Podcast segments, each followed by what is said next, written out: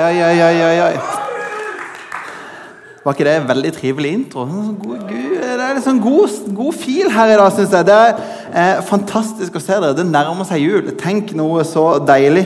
Etter hvert så kan liksom eksamenspresset legge seg ned, liksom julegleden stiger frem. Vi er der litt sånn i skjæringspunktet. Er ikke det fint? Og så tenker jeg det er fantastisk å se dere. Og når jeg sier det, så mener jeg det virkelig. Jeg håper dere skjønner det. Og så tenker jeg det er fantastisk at vi får lov til setter jeg et punktum for det jeg opplever har vært en helt fantastisk eh, høst på Touchpoint. Eh, min opplevelse er at eh, det har vært en høst med masse godt fellesskap. Masse engasjement, stor begeistring. Og så håper jeg du har kjent på det samme. Og så visste vi at dagen i dag den kommer til å bli litt annerledes med restriksjoner osv. De skal vi forholde oss til, og de forholder vi oss til så godt vi kan. Så nå sitter du på plassen din, og det blir ikke kafé etterpå. Jeg beklager. Men, eh, men, vi skal komme sterkere tilbake når restriksjonene er nede, og de skal vi forholde oss til. Men eh, vi er her, vi er samla. Og så får du en julekonsert på kjøpet i dag. Helt fantastisk. Kan vi ikke gi dem en applaus til? Og så setter vi punktum på en fantastisk måte, og så er vi tilbake 6. januar. Torsdag 6. januar. Det blir strålende. Det er, jeg vet ikke hvordan din forberedelse til jul er. Kanskje du allerede er ferdig med eksamen ikke sant? og kunne liksom la julefreden senke seg litt med en tidlig juleferie. Det er alltid deilig.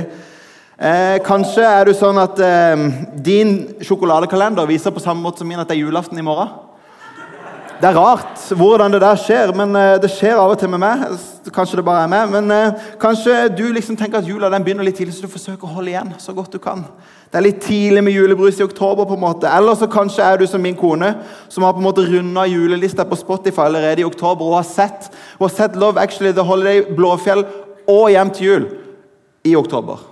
Fordi hun gleder seg. Vi forbereder oss litt ulikt. Vi har alle våre tradisjoner, vi har våre ting vi liker, vi har våre dekorasjoner, så liker vi å holde fast på det som er kjent og kjært.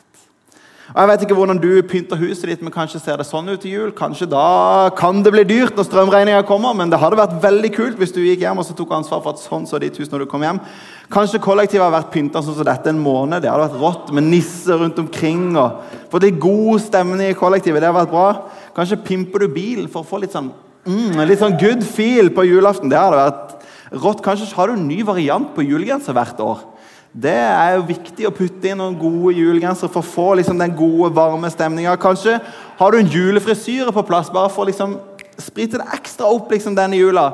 Eller min personlige favoritt, den kan du kjøre hvis du vil. Det er jo er å dekorere liksom, der du ikke trodde det var mulig med dekorasjon. Jeg vet ikke hvordan du gjør det, men jul nærmer seg. Vi har våre tradisjoner, vi har våre ting vi liker. Og i dag så tenkte jeg skulle starte en ny tradisjon. Og hvis det kan, ja, jeg, jeg har liksom tenkt at jeg skulle selge inn og forsøke å selge inn et liksom, nytt julesymbol i dag. Er du klar for det? Altså, Noe du kan pynte med. sånn at Du kommer hjem i kollektivet nå i kveld, så kan du liksom henge opp noe nytt. Eh, og Hadde det ikke vært for smittesituasjonen, skulle det vært sånn juleverksted etterpå. Det hadde vært veldig bra. Men det får vi ta neste år. Men denne kan du henge i vinduet osv. For det, sjekk den her. Jeg har lyst til å slå et slag for sommerfuglen. Se den. Den er hjemmelagd. Den er fin. Eh, eh, den, kan du, den, kan du, henge i eh, Hvis du bytter ut adventsstjerna, f.eks. For det, den har liksom gjort sin tjeneste, føler jeg. Så kan du kjøre denne her inn i stedet for sommerfugl. Den er hjemmelagd. Eh, det er kaffefilter med litt maling og noen piperensere. Det er utrolig bra. Du kan få oppskriften etterpå hvis du vil. Og så kan du henge den i der. For det, det, det er nå det nye julesymbolet. Fordi eh, Marius, hva vil du med dette egentlig, tenker du kanskje nå? Og Jeg har en plan bak det. Jeg kommer til det etter hvert. Fordi at, eh, Har du hørt om sommerfugleffekten? Mange sier nei, noen nikker. Jeg prøvde på min kone. Hun hadde hørt om sommerfugleffekten. Det hadde ikke jeg. Eh, men sommerfugleffekten det er liksom lansert av meteorologen eh, Lawrence, som på et seminar med mange forskere skulle uttrykke liksom hvordan noe veldig lite kan få enorme konsekvenser. Og så sa han da, veldig kjent for dette utsagnet, altså vingeslagene fra en sommerfugl i Brasil kan utløse en tornado i Texas. Sommerfugleffekten. Og det, det, er jo fascinerende tanke at noe liksom, som virker veldig lite, kan få enorme konsekvenser. At liksom, den umerkelige energien fra liksom, vingeslagene til en sommerfugl i en liksom, kjede av begivenheter kan ha en så dramatisk endelse til slutt. Noen ganger kan noe bitte, bitte lite forårsake noe veldig stort. Altså, Ta for deg et lite frø, f.eks. Da skjønner vi. Det som ser livløst ut, liksom lite, ser dødt ut. Putt i jorda, litt sol, litt, lite, så, så plutselig er det et tre. Noe lite blir veldig fort sommerfugleffekten. Og så tenker jeg at jeg er jula egentlig dette? Vær med meg nå. Sommerfugleffekten. Fordi i verdenssammenheng så denne fødselen som vi snakker om, dette barnet som kom En bitte, bitte liten begivenhet. En bitte, bitte liten landsby i et bitte, bitte lite land. Et skrøpelig uthus, stall, kanskje en hule, som noen mener. En bitte, bitte liten ting som forandrer hele verdenshistorien. Ikke bare liksom et vingeslag fra liksom en fjern tid i en fattigslig stall, men liksom et vingeslag fra Gud sjøl. Som vokser fra noe veldig lite, umerkelig lite, til noe veldig Ikke en ødeleggende tornado, men en slags sånn kjærlighetens, fredens, frelsens bevegelse over hele jorda. Sommerfugleffekten. Noe lite til noe umerkelig, umerkelig lite til noe ufattelig stort. 2000 år har gått. Og så er dette hendelsen som vi markerer verden over. Feirer jul. Og til tross for at eh, vi feirer jul, til tross for denne voldsomme effekten, så tenker jeg at noen ganger har vi kanskje glemt hva er det vi egentlig markerer. Vi markerer noe enormt. Vi synger om det, vi hører juleevangeliet. Vi, vi, vi elsker jo jul. De begynner jo allerede i oktober, sånn som min kone i butikkene osv. Jul. Men hva er det egentlig? Hva er egentlig julehandel, hva er egentlig julas budskap? Det har jeg lyst til at vi skal si noe om i dag. Og Vi skal lese sammen en tekst fra 1. Johannes 1, eh, fra vers 1. og Der står det sånn som dette. Det som var fra begynnelsen, det vi har hørt, det vi har sett med egne øyne, det vi så, og det som hendene våre tok på, det forkynner vi. Livets ord. Og livet ble åpenbart. Vi har sett det, og vi vitner om det og forkynner dere det evige liv, som var hos Far og er blitt åpenbart for oss. Det som vi har sett og hørt, forkynner vi også for dere, for at dere skal ha fellesskap med oss. Vi som har fellesskap med Far og Hans Sønn Jesus Kristus. Dette skriver vi for at vår glede skal være fullkommen. Herre Jesus, takk for at når vi samles på Touchpoint, så er det der vi samles om. Når vi samles til å markere jul, så er det det vi samles om. Jeg har lyst til å be om at du, Herre, må tale til oss nå, gjennom ditt ord. Når vi får tak på det der bitte lille som skjedde, men så hadde det så uendelig store konsekvenser. Må det få lov til å røre vårt liv på nytt. Må du få lov til å bringe liv til våre liv, Herre. Det ber jeg om i Jesu navn. Amen. Julens budskap eh, det blir gjort veldig mye forskjellig liksom rundt juletider. Jeg vet ikke om du liksom merker det samme som meg, men det skrives på nettavis, og det, det sies det skrives på sosiale medier. Dette er jo det jula egentlig handler om. Og det blir til veldig mye forskjellig, det. Og det kan bli til mye rart. Noe kan være veldig fint og bra. Men jeg hadde lyst til å ta dere med liksom inn for hva, hva er det egentlig jul handler om?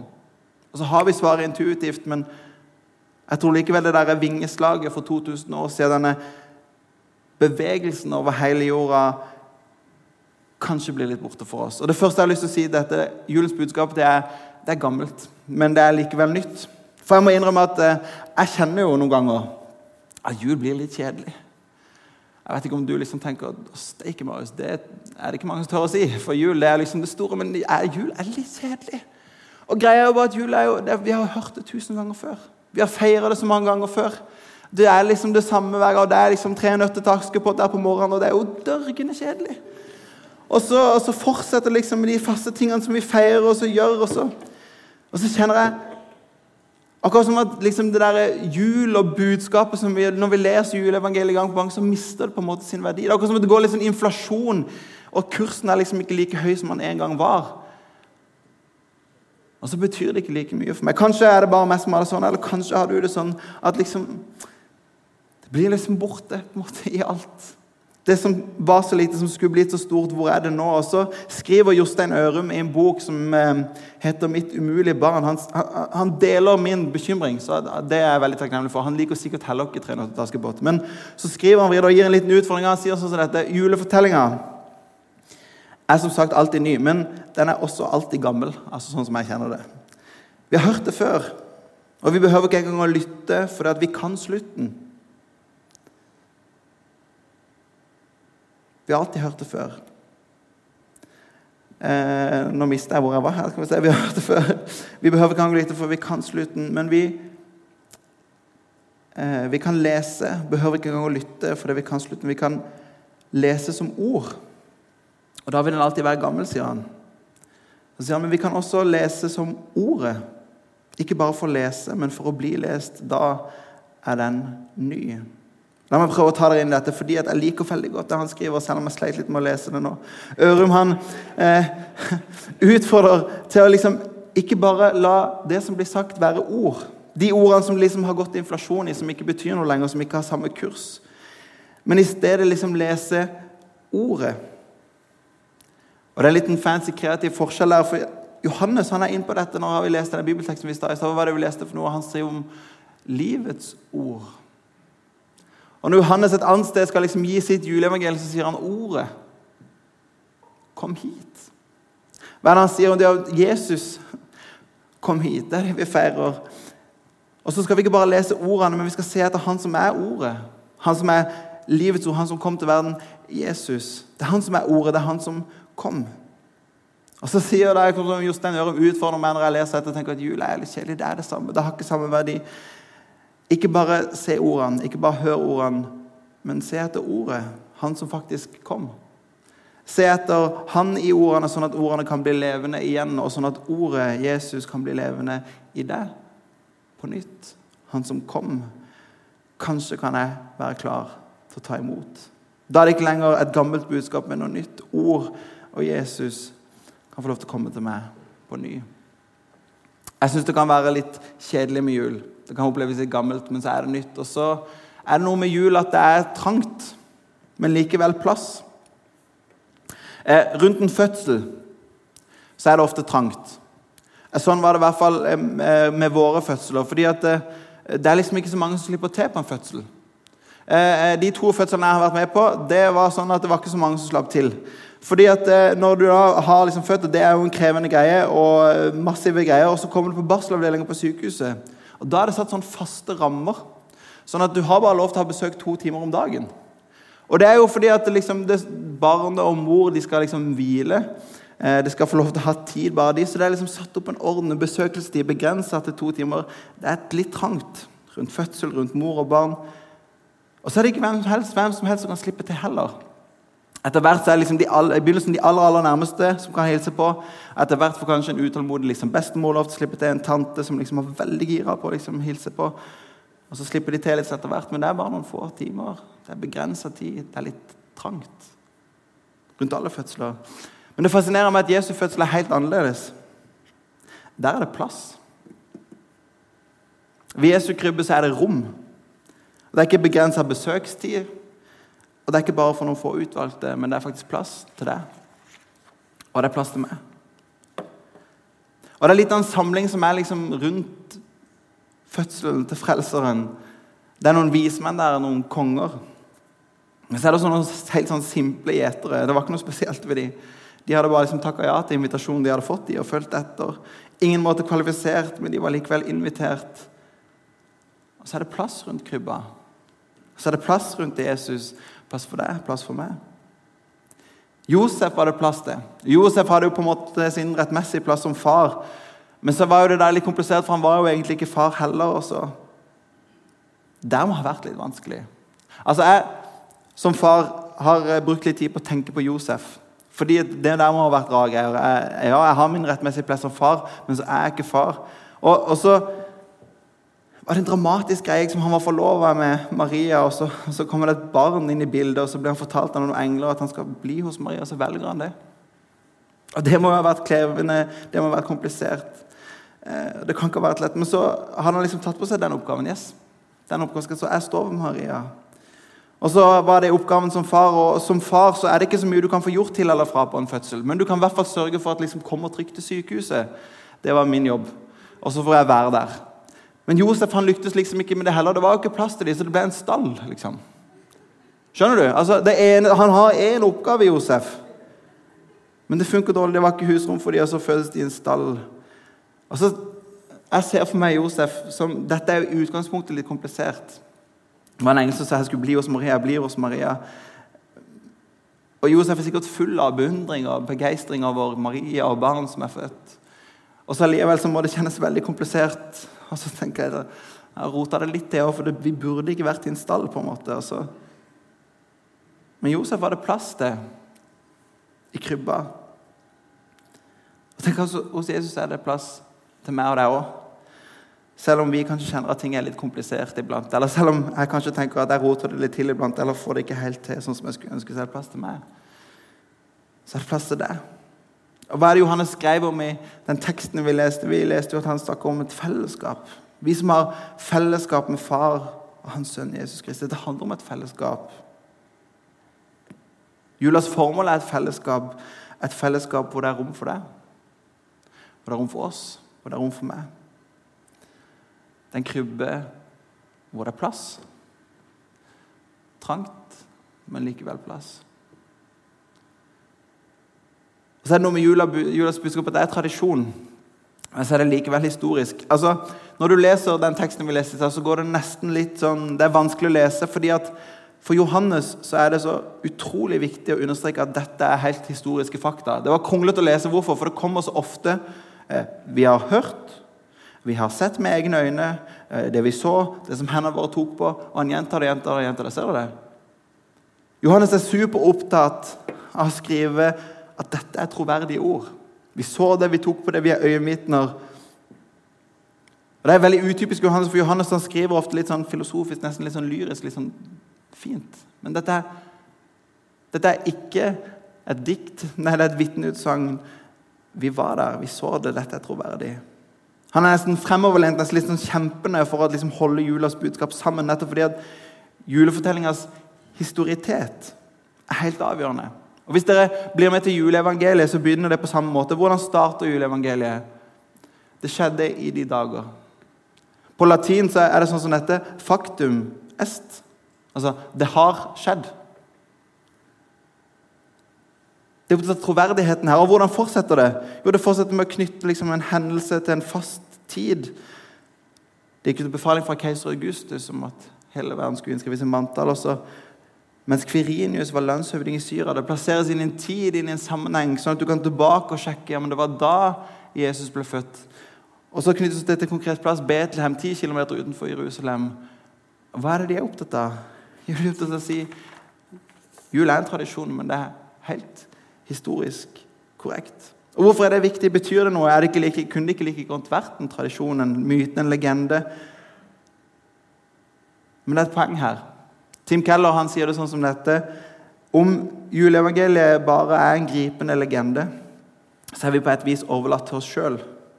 Men om fortellinga fra den første julen at det er sann, noe Det nye testamentet tydelig understreker, så kan vi finne nåde for våre liv. Hva er det Tim Keller sier? Altså, om juleevangeliet bare hadde vært en legende, så er det liksom det beste er at det er en moraliserende historie hvor vi kan ha Maria, eller vi kan være som Josef. Vi kan ha gjeterne som forbilde, eller ta lærdom fra vismennene. Liksom. Det blir veien, veien til fred med Gud og med seg sjøl. Hvis det ikke er sant, hvis det bare er en legende, da er jo det eneste svaret at jeg må fikse det sjøl. Skjerpe meg, prøve hardere, klare livet bedre. Det er meg som gjør alt overlatt til meg sjøl, som Tim Keller skriver. Men om det faktisk er sant, at Gud sendte sin sønn til verden, en kjærlighetshandling for å bringe håp og fred og nåde. Om det er sant at Jesus kom helt reelt faktisk inn i vår historie, at hans fødsel, hans liv og hans død og oppstandelse er faktiske hendelser i vår historie, så betyr det at vi ikke overlater oss sjøl. Det betyr jo alt. Gud er kommet nær, og vi kan finne nåde for våre liv. Det er ikke meg som må gjøre noe, det er ikke min prestasjon, men det er hans. Det handler om hva han har gjort. Og C.S. Lewis han sier om jula sånn som dette at Guds sønn ble menneske for å gjøre det mulig for mennesket å bli Guds barn. Hvis det er sant, som Nye testamentet så tydelig understreker med alt det vi har sett, vi har hørt, tid, rom, sted, så er jeg aldri alene. Selv om jeg måtte føle meg i jula, selv om jeg måtte føle meg i mitt liv, så fins det nåde for meg. Mens noen ganger fristes vi til å liksom tenke at det er bare en fin tradisjon, det er en fin myte. Men da har jeg egentlig ingenting å formidle. Da er det bare meg igjen, og så må jeg fikse det sjøl. Men det fins en Gud. Det fins et vingeslag fra noe helt lite til noe ekstraordinært som gir meg nåde og frelse for mitt liv. Jostein Ørum han leste vi i begynnelsen. Denne skal jeg prøve å lese det litt bedre, for jeg leste ikke hele sitatet for dere. For Han skriver julefortellingen er som sagt alltid ny, men den er også alltid gammel. Vi har alltid hørt den før. Vi behøver ikke engang å lytte, for vi kan slutten. Vi kan lese den som ord, og da vil den alltid være gammel, men vi kan også lese den som ordet. Ikke for å lese, men for å bli lest. Og da er den ny. Og så sier han da slipper vi det vi har i hendene, og vi går inn.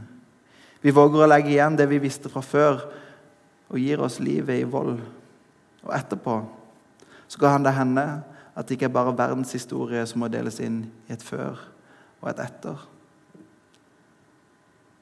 Men hvis det er sant at Jesus ble født, at det er rom der, det er plass til meg der Hvis det er historisk troverdig, så vil jeg aldri være alene. Og så kan det faktisk ikke bare være et før og etter i verdenshistorien, men det kan være før og etter i mitt liv også. For jeg kan få lov til å ta imot han som kom. Han som kom for meg. Kjære Jesus, jeg har lyst til å takke deg for at du er her, og for at det er deg vi samles om. Jeg har lyst til å takke deg for at jula det handler om det som kom. Det lille vingeslaget fra deg, Gud, som forandra hele verden.